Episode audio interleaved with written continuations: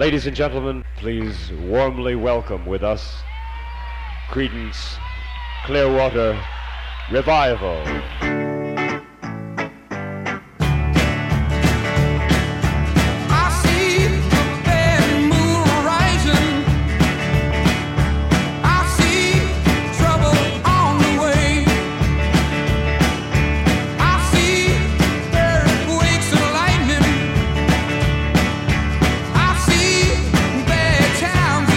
Etzen ibilbide luzea izan, baina sei urtean zazpi disko argitaratu zituen Creedence Clearwater Revivalek.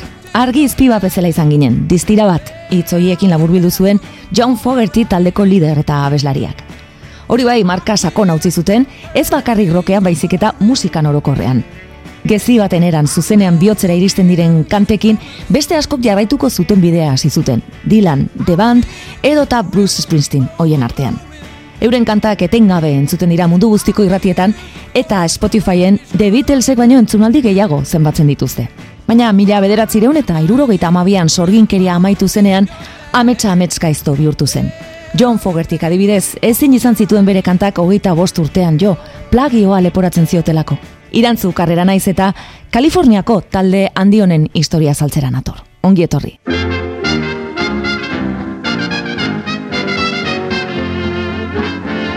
Fogerty anaien gurasoak Bob eta Lucille Dakotan eta Montanan jaioak ziren, baina ezkondu berritan Kaliforniara emigratu zuten.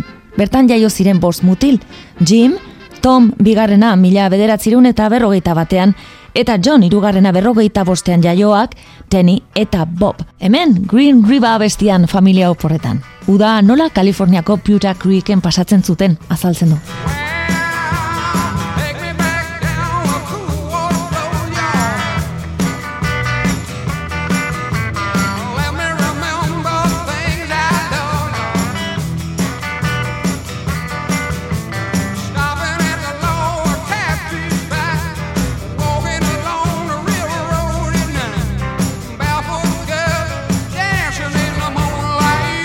Baina garaionak azkar bukatu ziren. Gurasoen artean gauzak etzi joazten ondo eta banandu egin ziren, dibortzioak oso gaizki ikusita zeuden garaian.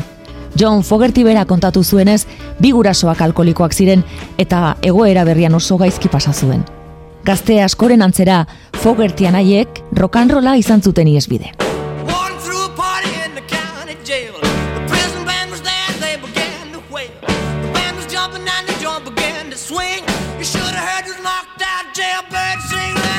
El Cerritoko institutoan hasi eta gutxira The Blue Velvet taldea sortu zuen beste bi ikaskideekin batera. Eta handi gutxira anaia Tom batu zitzaien eta honen ahotsean Have you ever been lonely grabatu zuten. Have you ever been lonely? Have you ever been blue? Do you know the feeling when your lover has not been true? Do you know what a broken heart and the tears when you must part can do. Whoa, whoa, what they can do.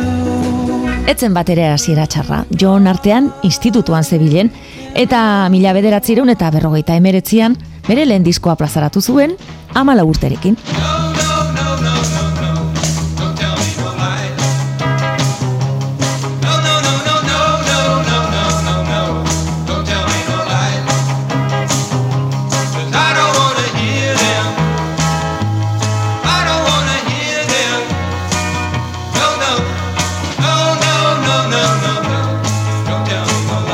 Fantasy Records jaseko argitaletxea zen, baina Fogertian haien bandak zuen ausardia ikusita aukera bat ematea erabaki zuten.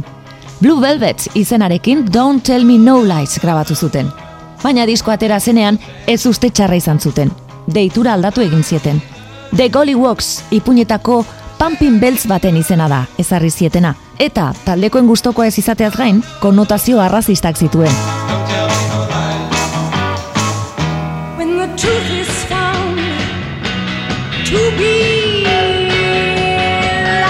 Gollywalks izenarekin izan zuten ibilbidea dena den oso laburra izan zen. Mila bederatzireun eta irurogeita zazpiko udan, psikodelia sortu zen San Franciscon, eta Jefferson Airplane edo eta Grateful Dead taldeak ziren rokeko izar berriak. Beraz, gara berriekin bat egin nahi bazuten, izen aldatu beharrean zeuden berriro. Clearwater means true, pure, and fine. Revival means a renewed interest in. Our special guest of the day, the Credence Clearwater Revival. Itxura aldatzea izan zen urrengo pausoa, eta denek hile luzea utzi zuten. Bestalde, norbere lantegiak utzi eta taldea profesional bihurtu zen, beraz, hainbat orduen saiatu behar zituzten egunero. Eta guztionekin batera, orduan erabaki zen, Creedence Clearwater Revival taldearen abeslari, komposatzaile nagusi eta lider John Fogerty izango zela.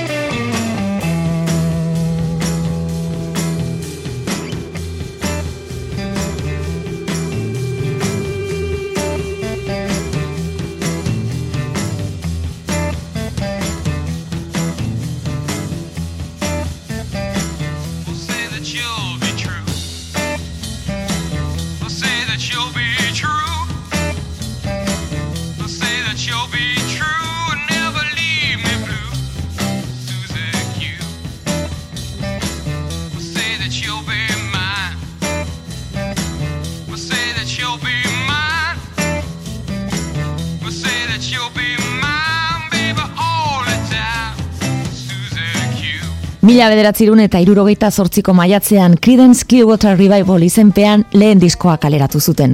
Kantarik ezagunena Dale Hawkins abeslariaren Susie Qren bersioa izan zen. Zortzi minutuko iraupena zuena. Rock psikodelikoaren oinarrietako bat improvisazio buka ezinak ziren eta publiko horrengana iritsi nahi baitzuten. Billboardeko amaikagarren tokiraino igo ziren kanta honekin.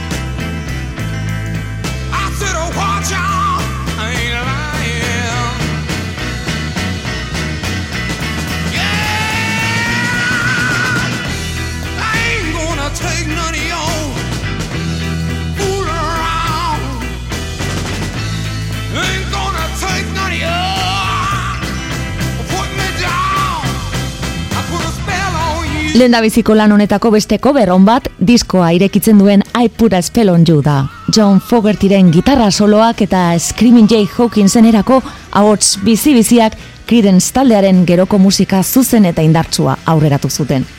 Mila bederatzireun eta irurogeita zortzian bestalde, John Fogertik eskutitz bat jaso zuen, ejerzitoan urte terdi egin ondoren lizentziatu zela esanez. Vietnam gogerra hasi berria zen eta pozarren kanta bat idatzi zuen.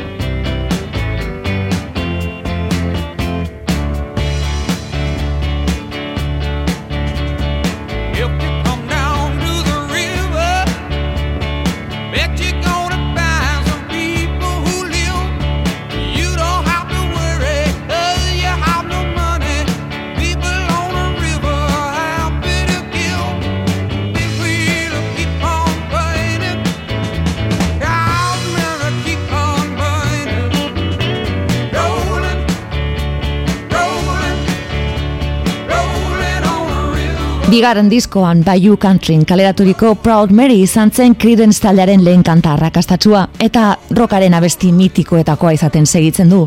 Mississippi baia zeharkatzen zuten antzinako vaporetako bat aipatzen du. Rolling on the River errepikatzen da behin da berriz. Eta Rolling down the River zen hain zuzen ere hasiera batean pentsatu zuten izena. Oso kanta sinplea da, baina oso originala aldi berean eta bere biziko jartzuna izan zuen. Desberdina baitzen.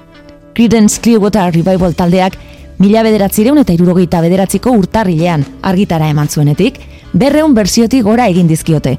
Aik eta Tina Turnerren mila bederatzireun eta irurogeita marrekoa ezagunena.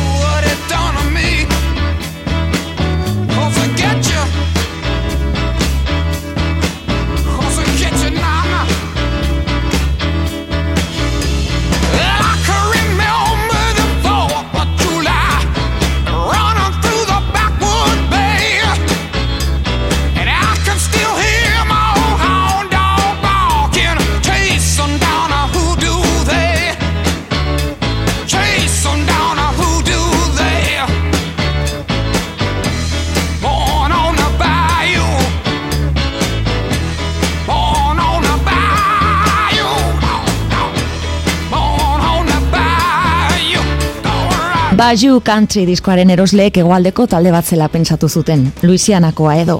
Egia da hango musika dela, soul, doinu, swan pop eta blues musika nastu zituzten countrya eta Little Richarden rock and rollarekin batera. Arritzekoa izan behartzen bai, San Franciscoko laugazte hippien mugimenduak izan zuen estandaren erdi erdian, Mississippi aldeko sustraiak zituen musika jotzen entzutea. Baina hori gustatzen zitzaien, eta mundu osoan zabaldu zuten.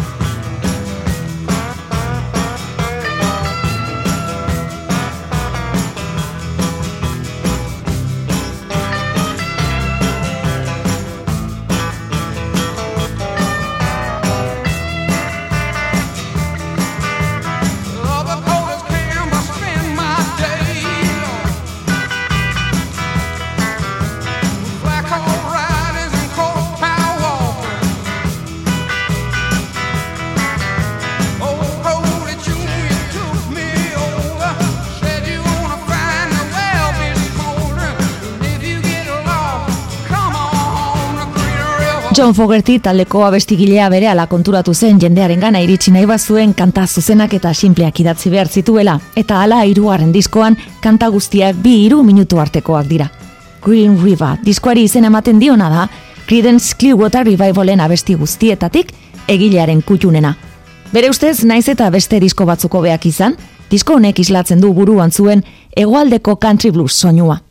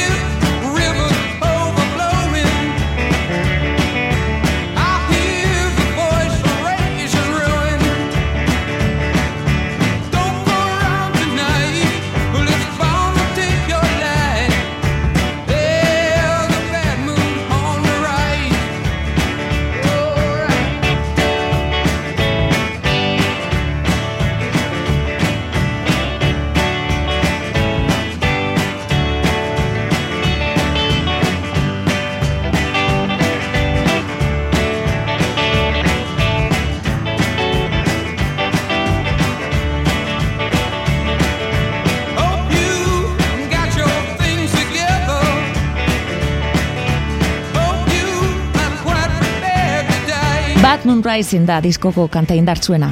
Honekin omenaldi egin zien txikitan irratian entzuten zituen Sun Recordseko grabazioi. John Fogertik Elvis Presleyren musikari izan zen, Scotty Moore gitaristaren erako riff batekin hasten du kanta. Bigarren aldiz, estatu batuetako top zerrenden ateetan geratu ziren. Ez dago Creedence Clearwater bezain beste bigarren postu izan dituen talde bat. Danera, bost bider geratu ziren lehenengo eserlekura iritsi gabe. Erresumua batuan bai, gailurra jo zuen kanta honek eta mundu mailan zabaldu zen. Kontzertuak non nahi ematen hasi ziren.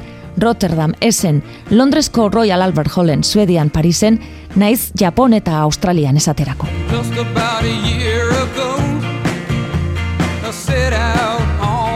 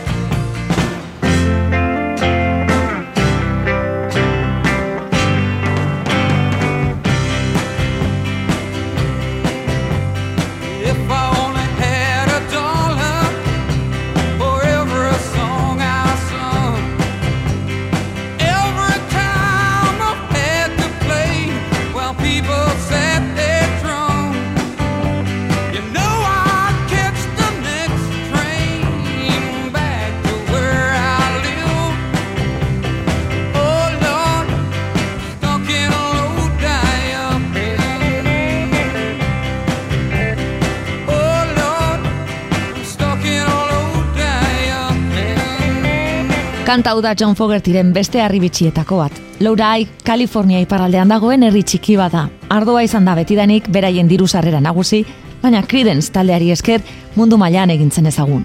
Urtebetean Creedence Clearwater Revival laukotea gailurrera iritsi zen, hiru disko kaleratu zituzten hamar hilabeteko tartean, bost hit eta rockaren historian izan den festival garrantzitsuenean jo zuten, Woodstocken. Ladies and gentlemen, to continue, please warmly welcome with us Credence Clearwater Revival.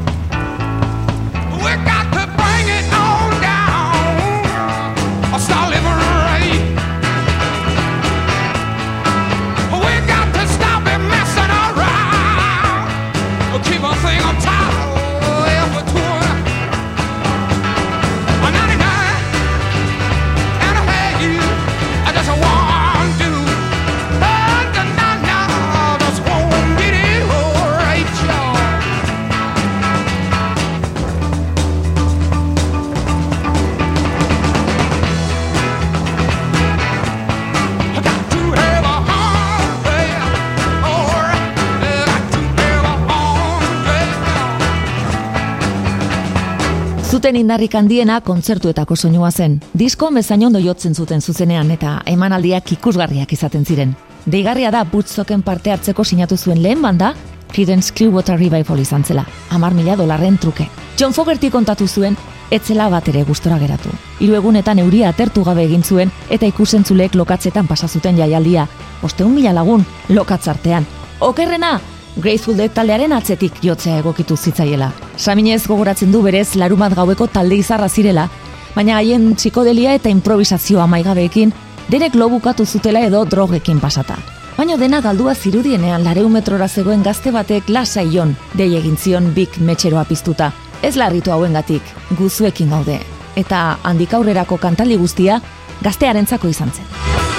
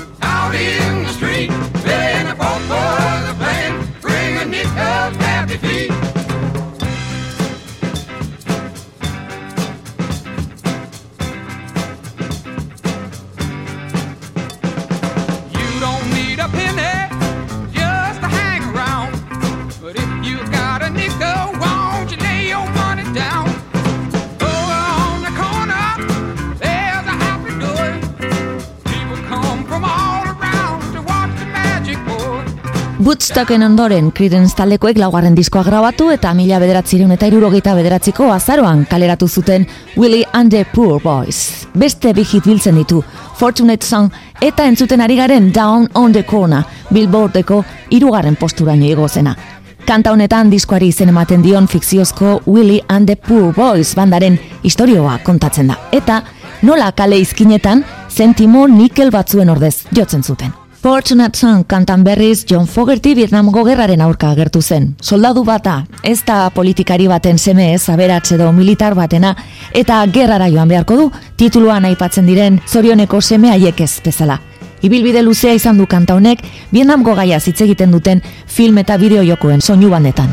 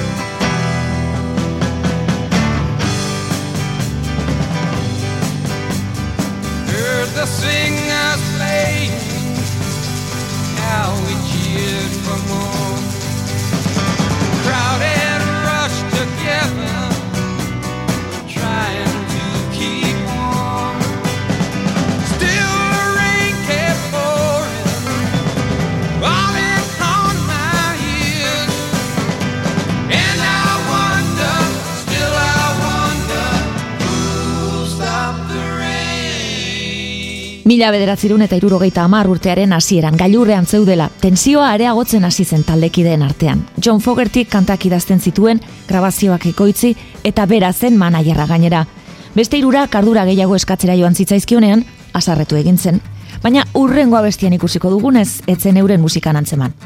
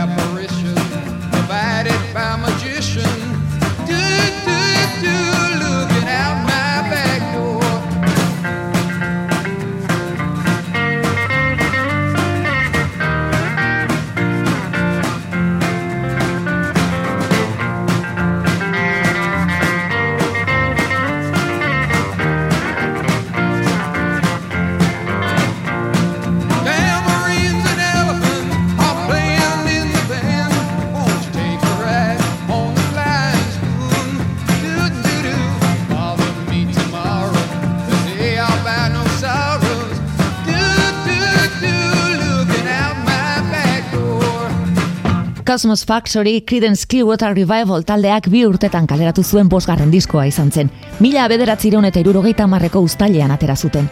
Berriro ere burutik endu ezinezko doinuz josia zegoen, eta abesti guztietatik kanta honen country alaia nabarmentzen da. Looking at my back door, bere hiru urteko semeari idatzi zion, etxeatzeko lorategian jolasten ikusi zuenean. Gogoratzen lehen esan dugun bigarren postuen madarikazioa, hau izan zuten, Billboard zerrendako bigarren postuan geratu zen bosgarren abestia. Harrigarria bada ere, ez ziren inoiz lehenengo tokira ailegatu. Ez sinistekoa.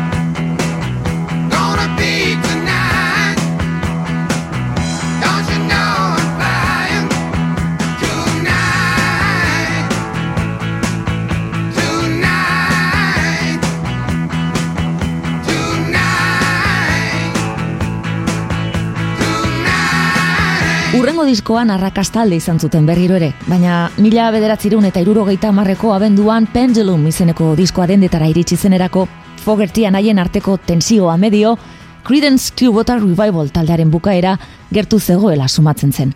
Baina paradosikoki, euren ibilbideko kantarik onena kaleratu zuten eta gogoratuena.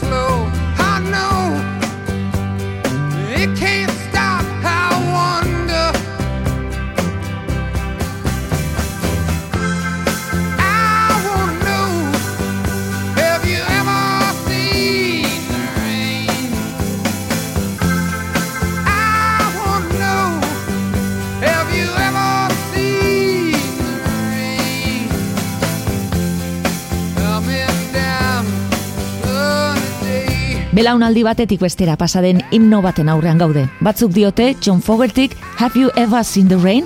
Vietnamgo gerraren aurka idatzi zuela. Euritantek Amerikanoen bombak irudikatzen dituztela. Beste batzurentzat, Tom bere anaiaren taldea usteko asmoa zari da, honenean zeudenean. Fama eta salmenta kalterako izan ziren nolabait. Laukideak, erabat deseroso zeuden. Tom Fogertik alde egin zuen azkenean, mila bederatzireun eta irurogeita amaika urte hasieran Pendulum diskoa grabatutakoan. Credence Clearwater Revival irukoan geratu zen.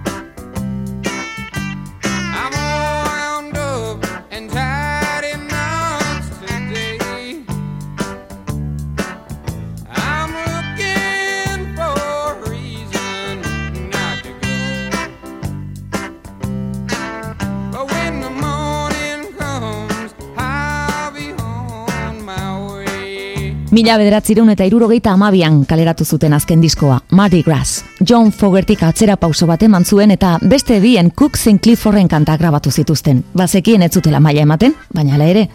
Bien bitartean, rock munduan aldaketa garaia zen, batetik Led Zeppelin moduko talde indartsuak gaientzen hasi ziren zerrendetan eta bestetik disko musikaren hasia izango zen Philadelphia soinua ere indartzen hasi zen.